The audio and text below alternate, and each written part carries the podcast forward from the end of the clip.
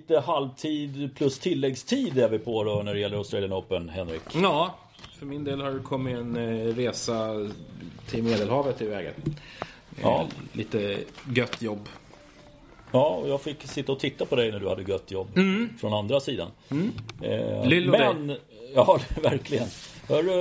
Men, vi, men vi håller ju ändå blickarna ner mot Melbourne och konstaterar att eh, så här dåligt tror jag aldrig vi har tippat någonsin. Jag vill minnas att vi eh, inför det här var lite så här, ah, men det är svårt att se några riktiga skrällar här. Eh, chi eh, fick vi då. Ja, minst sagt. Eh, Nu är det en del saker som inträffade som låg liksom utanför. Vi hade flaggat för att Nadal inte var hel. Eh, och, eh, Kyrgios Kyrgios- drog sig också ja. Så att, Ja. eh, det är lite force majeure. Eh, Ja. Får man ändå säga. På några, Ja, på vi- några ställen. Exakt, vi kan gömma oss lite grann där men vi, det, vi går inte att försvara allt. Men Nej. samtidigt så är det ju det oerhört svårt att hitta de här när man inte liksom har var de är var de står någonstans helt Nej, enkelt. precis. Det är, det är svårt att veta och det är svårt att basera den bedömningen på en säsong som tog slut för flera månader sedan och eh, två eh, införveckor där alla kanske inte liksom ger max för utan vill mest ha en känsla för var man står någonstans. Ja. Så att eh, det, Ja. det är lurigt och vi har haft problem i vår tippning. Det är bara att, det är bara att vara tydliga med. Ja men det är ju det. Vi, vi kastar oss in där och vi, vi hade ju satt Nadal framme i fjärde rundan. Det gick åt helvete redan i andra rundan. Eh, det, var, det var inga roliga bilder eh, som när man såg hur det högg till. Eh, all heder till honom som faktiskt spelade klart matchen måste jag säga. Jo, men det, det ligger ju i hans natur att verkligen försöka och inte ge upp förrän liksom, sista bollen är slagen. Och han, han gör ju verkligen vad han kan, men det är ju en person som in, han är ju inte frisk. Han, är, han, han mår ju inte bra. Och det fanns ju tendenser även mot Draper som han ju har ganska stora problem med. Och en lite mer rutinerad spelare i öppningsrundan hade kunnat vinna redan där, tror jag. Nu, Ja. nu, nu sugs ju musten lite ur Draper. Han får krampkänning och, och Ehm, krampar väl även lite mentalt tycker jag i tredje set. Så att eh, eh, det, en, en mer rutinerad spelare hade kunnat, kunnat ända Nadals turnering redan där. Sen är ju McDonald en sån riktig jävla supergnetis. Så att eh, man får inget Ja. gratis mot honom. Det är en jobbig kille att möta i det läget. Ja, ja, men det där var faktiskt en liten notering för mig var så här. Han, eh, Nadal sa ju upp till sin box, ska, ska jag ge upp redan under tredje set eh, ganska tidigt. Eh, men han spelade klart det, men känslan var att vid 5-5 att han släppte det för han ville inte vara ute på banan någon längre. Nej, men jag tror det också. Men de, de, hans box, de satt ju liksom, de hade ju tårar i ögonen när de såg honom och visste liksom att det här var inte bra. Det är inte bra. Nej. Och det kanske... Ja, vi ska väl vara ärliga, det, det kanske inte blir bra igen. Eh, det, det, det börjar kännas så att det här stör honom så mycket nu så att det kanske inte finns någon väg tillbaka från de här problemen. Och det vore ju naturligtvis skittråkigt, men vi pratade om det redan, i, redan förra, eh, förra gången vi poddade. Att eh, det, det här... Eh, det finns en del som talar på att vi verkligen är inne på sista varvet gällande Rafael Nadal. Tråkigt nog. Ja, jag, jag tror att, jag sa 68 veckor. Jag tror att han kommer ta det jävligt lugnt och bara försöka maxa ut i Paris. Ja, verkligen. Jag tror till och med att det kan vara så att han kommer att inte ens genomföra en hel grussäsong. Utan eh, att han kanske dyker upp i någon av, av Rom och Madrid och, och sen, som du säger, verkligen totalmaxar Paris för att, för att ge den sista chans där. Och funkar det inte där då, då, då kanske det är, då kanske vi är färdiga. Ja, det är ja, spekulativt men eh, känslan är ju att vi vet att det, det närmar sig i slutet. Eh, om vi går ner då så hade vi faktiskt rundan. Här är en av de som vi gick rätt på här i Mm. Kachanov som vi trodde på. Och det har ju visat sig framöver också även i, i, i den omgången att han eh, ja, gjorde allt rätt och har tagit sig ett steg längre. Ja, han är framme nu i en, i en semifinal, en av hans största eh, höjdpunkter i karriären. Han är väl nu, jag såg någon lista, han är väl en av, jag tror bara åtta eller nio aktiva spelare som har nått minst kvartsfinal i alla slams nu. Ja, Eh, nio, nio är det. Men nio vet vad det. lustigt? Det, det stod att det var den tionde. Mhm. Vet, men jag räknar bort den för att en av de tio som räknades in, det var Del Potro. Ja, men han har ju slutat. Exakt, kom in också. Men, men då fick jag något så här, har han gjort något så här att han inte officiellt har slutat? Men jag minns det som att det var väldigt tydligt att Ja, han ja, på den presskonferensen. Absolut, nej, jag har inte tolkat det på något annat sätt än att det är, är 100% över för hans del. Ja. Eh, Men, men Katjanov, eh, ja. vi, vi talade senast om hur, att vi tycker han är underskattad. Att han får generellt sett för lite cred och att han alltid flyger under radarn trots bra resultat. Och det här är ju en, ett typexempel på det. Ingen pratar om honom på hela veckan eh, och sen så är han vips framme i en semifinal.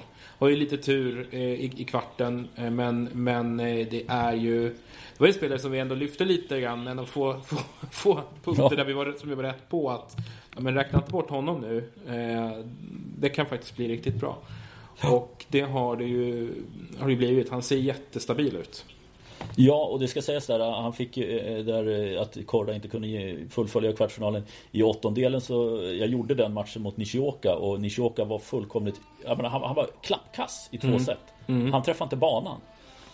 Eh, sen blev det jämnare i det tredje och där började eh, Kachanov darra lite grann faktiskt och hade i mitt tycke lite tur att han klarade det där tredje setet för hade japanen fått med sig där då är jag inte helt säker på att det hade gått så smidigt så att han fick en ganska enkel resa genom att få två gratis set. Eh, nu, gratis set låter väldigt så, men eh, kanske han gjorde jobbet under de två seten. Men samtidigt slog han över bollen så missade Nishioka allt. Precis mm. allt. Mm. Eh, men återigen, det gäller att ta tillfället när, när det uppenbarar sig. Ja, och han har ju varit, visat sig vara väldigt bra på det. Han är ju duktig på att ta hand om en, en lottning som öppnar upp sig. Så gick mm. det ju till till exempel när han vann sin master. Så att eh, det, det är en, han, han har sett sitt ögonblick och han har fångat det på ett jättebra sätt. Och det här ger ju honom en jättebra skjuts liksom, vidare in, in, in på rankingen inför resten av säsongen. Och vi hade väl båda lyft honom lite grann. Så att, eh, det är ju det är bra. Det är i alla fall. Eh, ja. nej, men jättefin, jättefin turnering så här långt av Katjanov. Eh, sen får vi väl se, se framåt här i semifinalen. Ja, vi kommer till det. Men eh, ja. Men jag är imponerad av, av hur han har presterat hittills. Mm. Sen gick du rätt i Chapovalov och flaggade för att Korda, om det var någon skräll under första veckan, då var det Korda, även om du inte vågade sätta ner foten ordentligt. Men du var ju helt rätt på det och jag var ju helt snett på det, så jag ska bara sitta tyst här nu.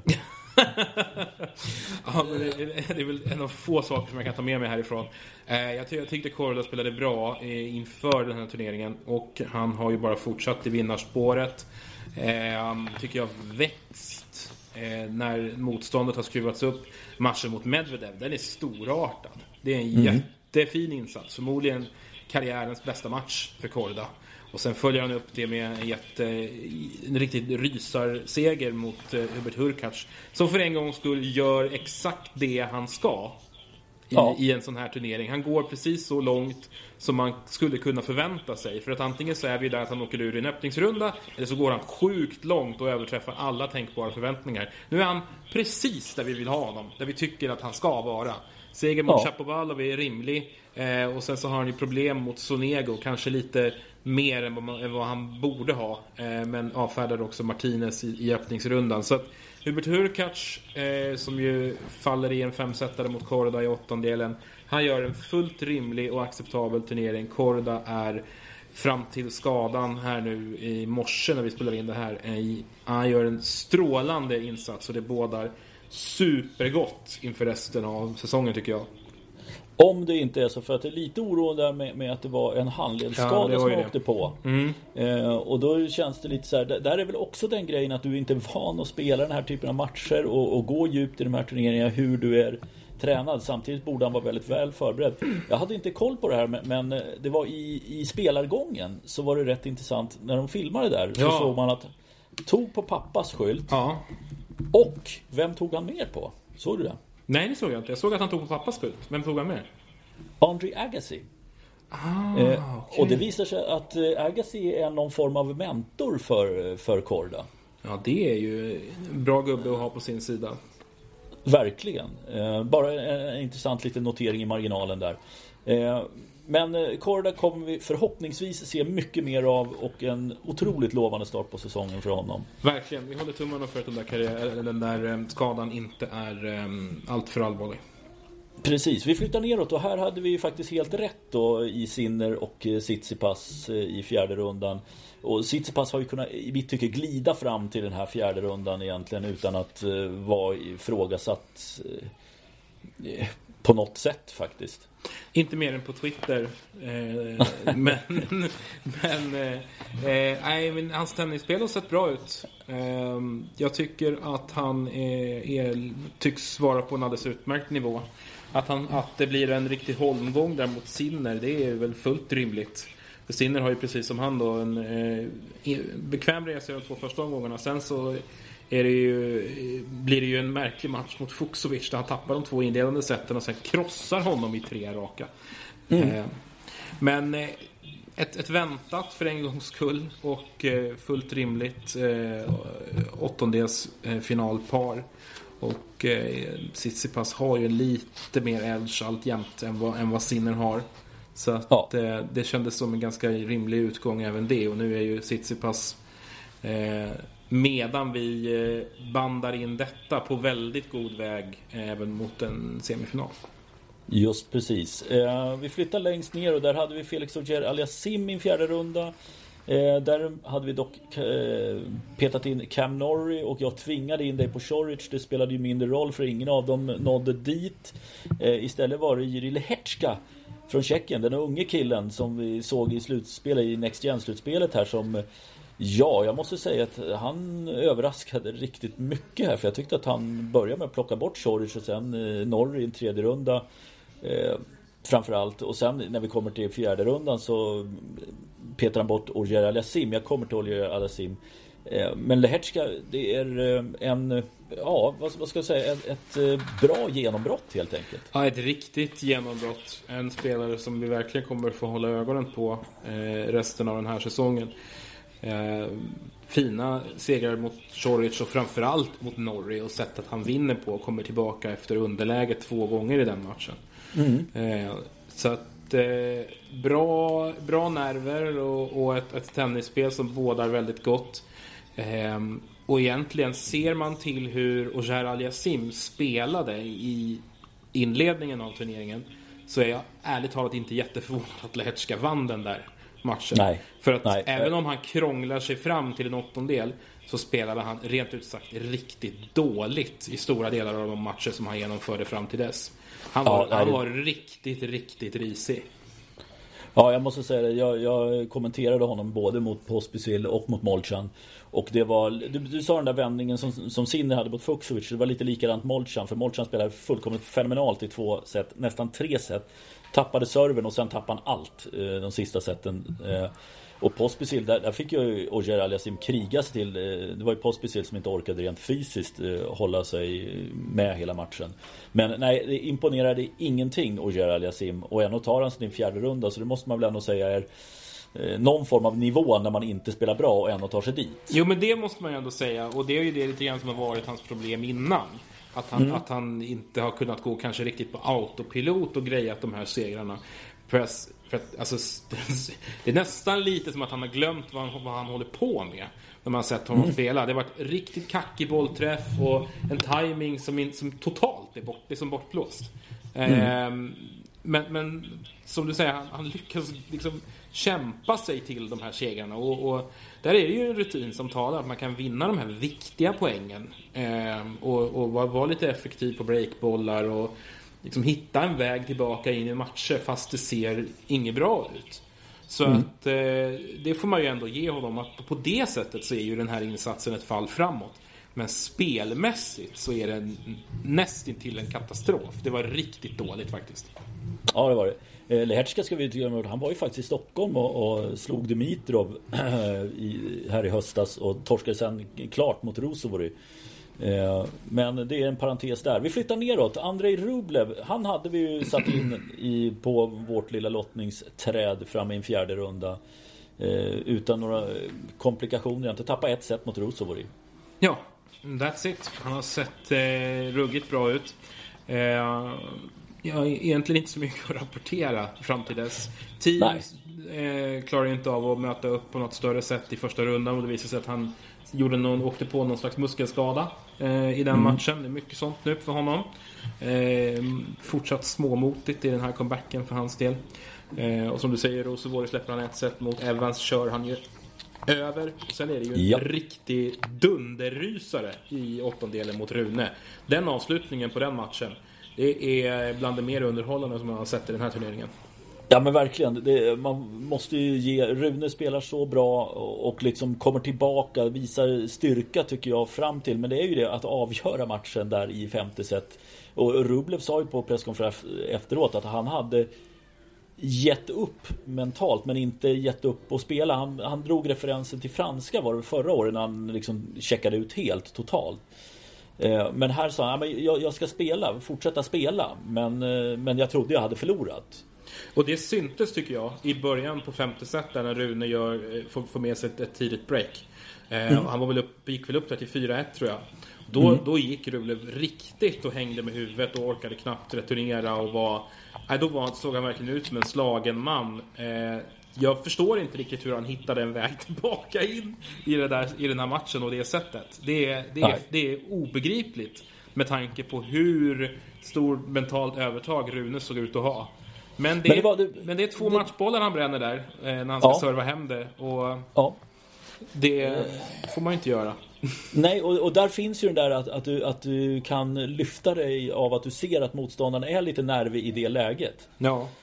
Eh, och det tycker jag han gör och sen fram, det blir ju en eh, fantastisk avslutning. Rune gör en fantastisk räddning på Rublevs andra matchboll. När André Rublev bara ska egentligen slå bort bollen och klarar inte riktigt av det. Rune går rätt, sätter en rak backhand som är otrolig. Eh, men eh, nej, det, det, det, är en riktig omgång. Tuff förlust för Rune. Ja, den där lär oss vida. Ja, eh, han såg ut ganska tagen ut på presskonferensen efteråt. Fullt begripligt. Du har inte hunnit smälta det samtidigt. Okej, okay, det, det, är bra. Han tar sig långt. Det är jobbigt att förlora på det sättet. Det, när man sitter där så kan jag tänka mig att det måste vara skönare att ha torskat i tre raka set bara och varit överlägset mycket sämre. att hantera. Verkligen. Sen tar vi med oss en annan grej från den här delen av lottningen. Jeremy ja. Chardy. Som, som vi ju fnissade bort inför eh, starten på turneringen. Vinner sin öppningsmatch mot Fagundo Bagnis. Och drog väl in någon sån här 35 forehandvinnare eller något sånt där. Han, han var ett jävla monster i den matchen. Sen fick han spö Men eh, ja. Ja, han är kvar i dubbel också med Martin mm. faktiskt.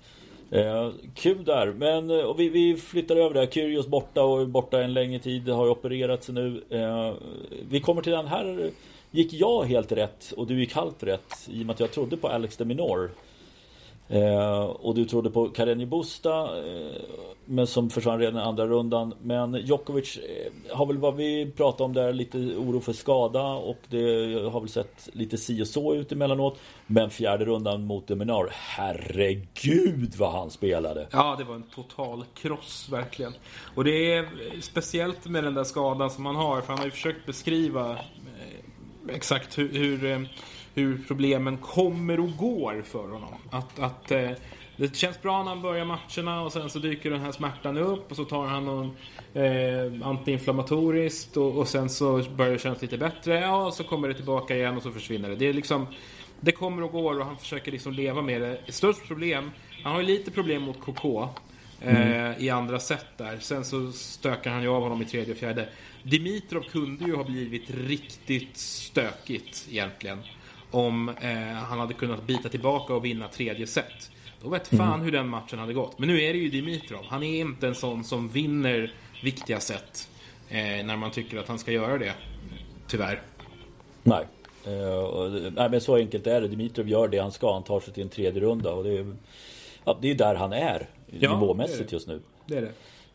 Så att det, men, men Djokovic i, i kvartsfinal och eh, ja, om, om inte den där smärtan kommer eh, tillbaka för mycket då är det ju, ja, vi återkommer till den saken. Ja. Eh, vi flyttar ner då. Här, här kommer något riktigt eh, oväntat får vi lov att säga när det gäller Ja, det gör ju egentligen på båda de här delarna. Vi hade Taylor Fritz framme och vi hade väl Alexander Zverev framme och eh, ingen av dem hade så mycket att hämta. Zverev mot Michael Moe. Där såg man hur långt kvar Zverev har. Jag mm. gjorde den matchen. Och Mo som egentligen snubblade sig kvar var ju på väg att åka därifrån, hade bokat biljett och så blir Goffin sjuk och så får han hoppa in. Lokoli har han ju matchbollar mot sig i tredje set och är ännu mer på det. Det blir ett regnavbrott och så vänder han matchen. Eh, så att, det, det är en härlig vecka för Michael Moe. Men Zverev, det kommer ta ett tag innan han hittar allting. För det var, nej, det var, det var inte... Man såg eh, vad ska man säga, man såg embryon till det som har gjort honom så bra men det räckte ju inte när det inte finns den konsekvent höga nivån. Nej, och jag tyckte framförallt att det finns en, en liksom försiktighet i hela sättet han spelar på. Han har lite svårt att söka linjer med självförtroende och, och väldigt mycket bollar tillbaks mitt i banan. Så att, eh, precis som du säger, det är, det är en bra bit kvar för honom innan han är på någon slags acceptabel nivå. Eh, så det, det var ju en... Eh, det var ju ja, kanske inte en överraskning, men, men både du och jag trodde ju mer att han, var, trodde att han var längre fram i, i mm. processen. Eh, sen kring Fritz, det är ju, en, det är bara en rakt igenom en skräll. Där är det ju på Pyrin som vi har plussat för tidigare i den här podden och, och tyckt gjort bra grejer men som liksom kanske inte riktigt har kunnat omsätta det i matchvinster och poäng. Som nu för en gång skull gör det. Eh, överlever en jättetuff första runda mot Säng och sen eh, står för en heroisk insats mot Fritz i andra. Mm. Uh, och, det, och det är liksom där, där är väl det som man hade hoppats att Fritz skulle få bort. Att den där förlusten ska inte Fritz ta. Nej, det känns väldigt onödigt. Framförallt med tanke på hur den här delen av lottningen öppnade upp sig för honom. Det mm. hade kunnat ligga en, en, en, liksom en, en semifinal eh, plats i, i, ja. potten. Ja. Uh, men det blev det inte. Det blev det inte för att i vägen kom eh, en kille som jag för mig att jag nämnde i alla fall förra. Förra, eh, förra gången vi spelade in som en liten kul figur att hålla lite koll på, typ. Eh, ja. det var ungefär det jag trodde. Eh, jag trodde nog att Kecmanovic skulle, skulle stå i vägen för honom i runda två. Men han föll mycket oväntat mot Nikola Jary i ja. Eh, öppningsrundan. Den oförklarlig förlust. Eh, om, ja. om det nu inte var så att Kecmanovic var sjuk eller något.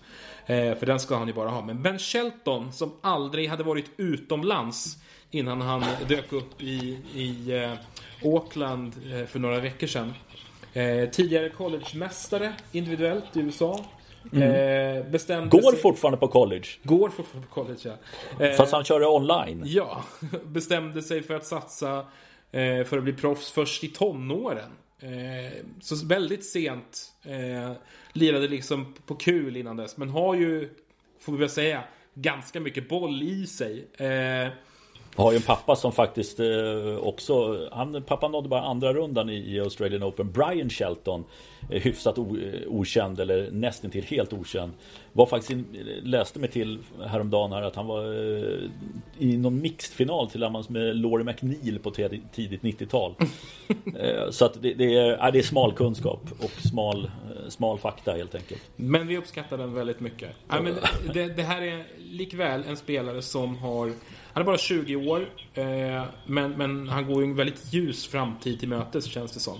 Han är en typiskt reslig, eh, hårdslående amerikan, men som ju utstrålar en enorm spelglädje tycker jag. Eh, ja. Ser verkligen ut att trivas så bra. Och, och, jag får bara intrycket av att han verkar vara så duktig på att ta in liksom ögonblicket och hur underbart det är att vara här just nu. Mm. Eh, det, det, det liksom skiner verkligen igenom honom och det, det är så himla härligt att se. Tycker jag. Och ehm, ja, det, det, är ju inte över än. Det är ju, Nej, det... det är det ju verkligen inte. För att eh, han eh, slår ju sin landsman i åttondelen där, JJ Wolf. Som vi också har antytt att vi tycker är lite kul figur och, och kanske skulle kunna tänka oss liksom i lite mer framskjutna sammanhang. Men inte heller där var det väl någon som vi hade tippat i åttondelen egentligen. Nej, nej, nej, nej men det var det inte. Och, och eh, den matchen Shelton Wolf, det, det small både till höger och vänster där. Det var, eh, jag, kanske inte var det mest skönspel, men, men väldigt underhållande att kommentera. Och Wolf var det som eh, till slut fick kramp i det femte setet. Man får inte ta behandling för det som skada utan han fick ju bara ta det under sidbytena och stod väl upp två eller tre av sidbytena där i femte set. Så att han var ganska fysiskt färdig vid det laget. Ehm, och då är det väl sån som Shelton som drar, som drar nytta av det. Han har ju spelat väldigt, väldigt mycket sista året. Mm. Eh, om än bara i USA så har han ju gått långt i massor av turneringar. För han startade ju tror jag utanför topp 500 Ja, eh, strax efter 2022. Och har liksom gått igenom kval och sen liksom vunnit turneringar eh, på Challenger-touren. Så han har ju spelat e- enorma mängder matcher under året Mm. som gick. Så att han, han borde ju ha bra, bra tryck i benen, känns det som. Får se hur mycket som är kvar här nu då i, eh, Ja. i kvartsfinalen.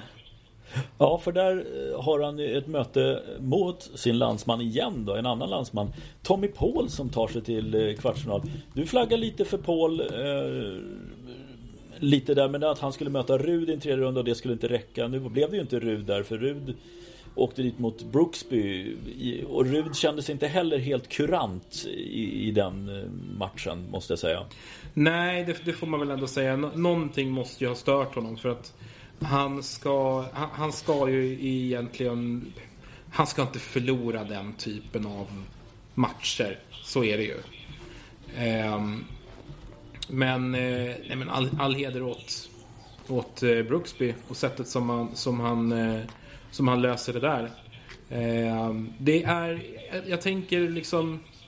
Jag tänker mycket på eh, Tommy Paul när han liksom, och den resa han har gjort. Det var liksom inte så många år sedan som han hade det lite kämpigt liksom, på Future-touren i USA och föll mot bland annat Carl Söderlund och, och Fred Simonsson under en Florida-turné.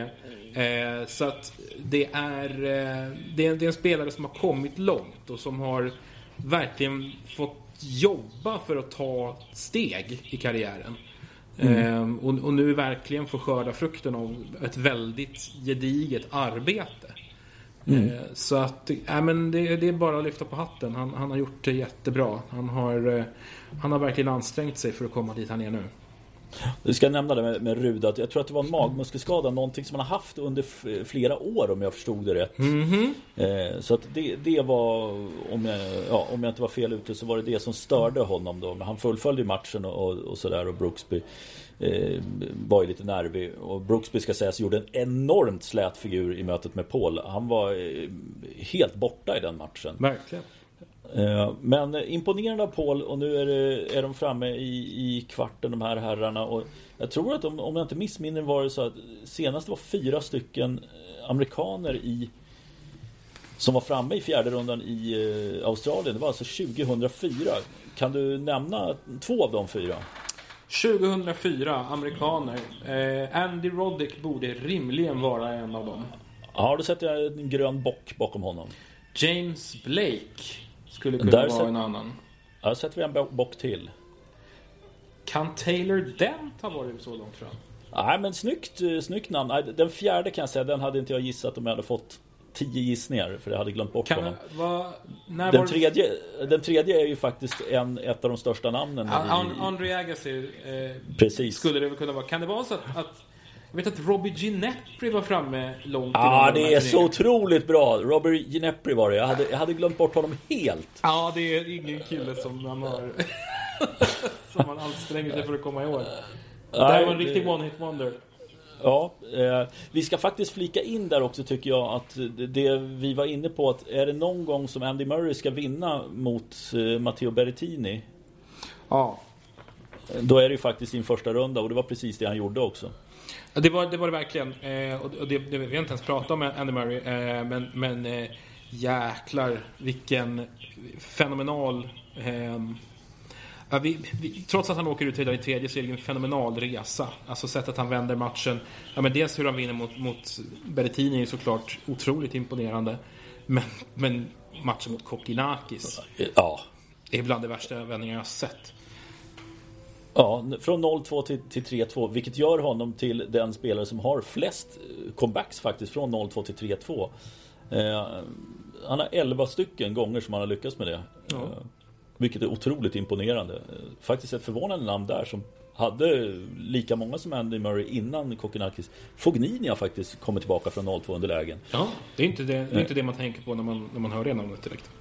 Nej, inte, inte direkt eller. Eh, så att det var nej, otroligt imponerande eh, Andy Murray och eh, han var ju väldigt nöjd för en gångs skull. Det brukar alltid vara lite så här smått men han var nöjd med det han hade åstadkommit där och det har man ju full förståelse för. Ja, och han passade på att dela ut någon känga till läkaren som sa att han aldrig skulle kunna spela tennis på professionell nivå igen med, med den där metallhöftkulan som han har. Det, nej, det, det är en ofattbart imponerande prestation. Verkligen. Ja. ja. Eh, och sättet hans, det finns ju ingen som jobbar hårdare än vad han gör där ute. Nej, nej, men det, det sliter ner. Jag tror det var den näst längsta matchen i, i historien där som han spelade i Australien. Eh, vi, nu är vi framme i kvartarna och delvis semifinaler också. Mm. Eh, om vi tar, ja vad fan vi tar här nerifrån då, de som eh, spelar eh, natten till tisdag eller, tisdag, eller onsdag förmiddag. Eh, så är det ju då alltså Eh, Shelton som eh, tar sig an Tommy Paul. Vad tror vi där då? Alltså jag skulle Jag tycker det var kul att se Shelton. Jag tycker han är lite roligare att se än Rud eller en, en Paul. Så att jag går faktiskt på att jag skulle tycka det var kul att se Shelton i en semifinal. Jag tycker också att det skulle vara väldigt roligt. Frågan är ju bara om han orkar mer eller om, eller om Paul som ändå är lite mer erfaren på den här nivån eh, kan dra nytta av just det. Han har ju ändå varit i en åttondel i Wimbledon i fjol till exempel. Så att han har gjort mm. en liknande resa förut.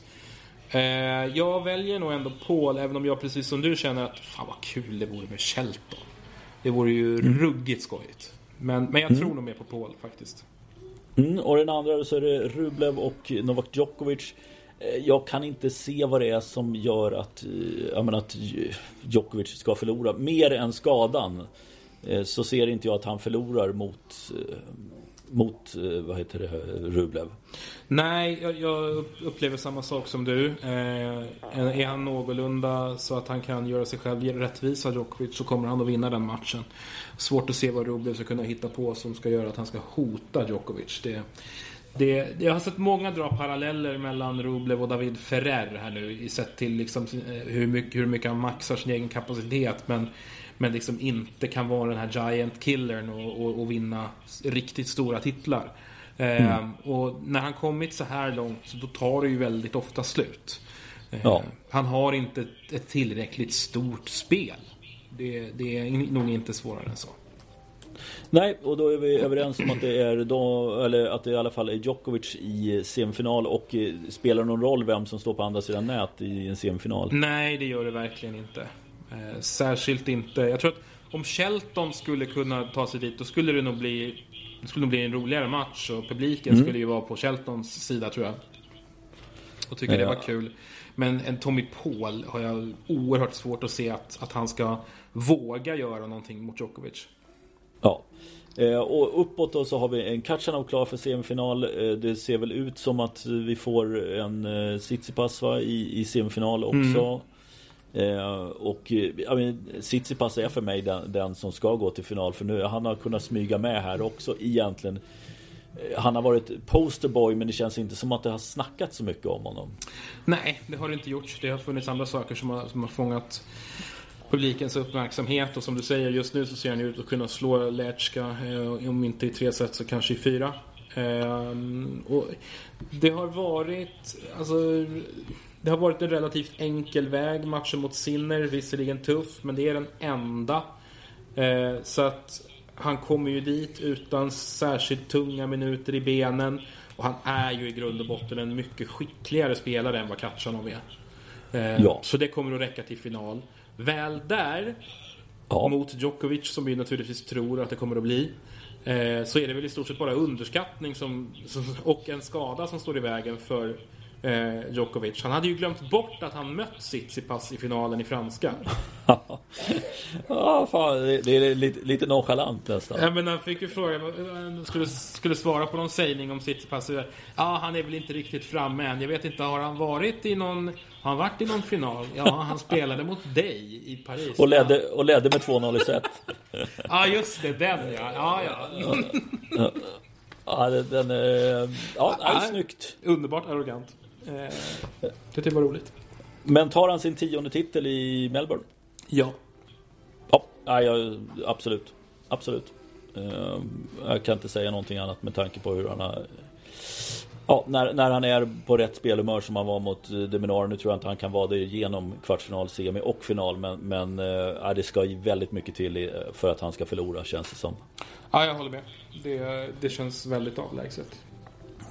Ja, ja mm. men det, då, har vi, då har vi satt ihop det här.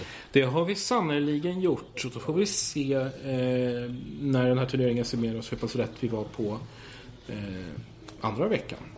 Ja, förhoppningsvis mm. bättre än första. Hörru, Verkligen. Tack för det här då. Tack själv, mycket trevligt. Ja. Hej på dig. Hej.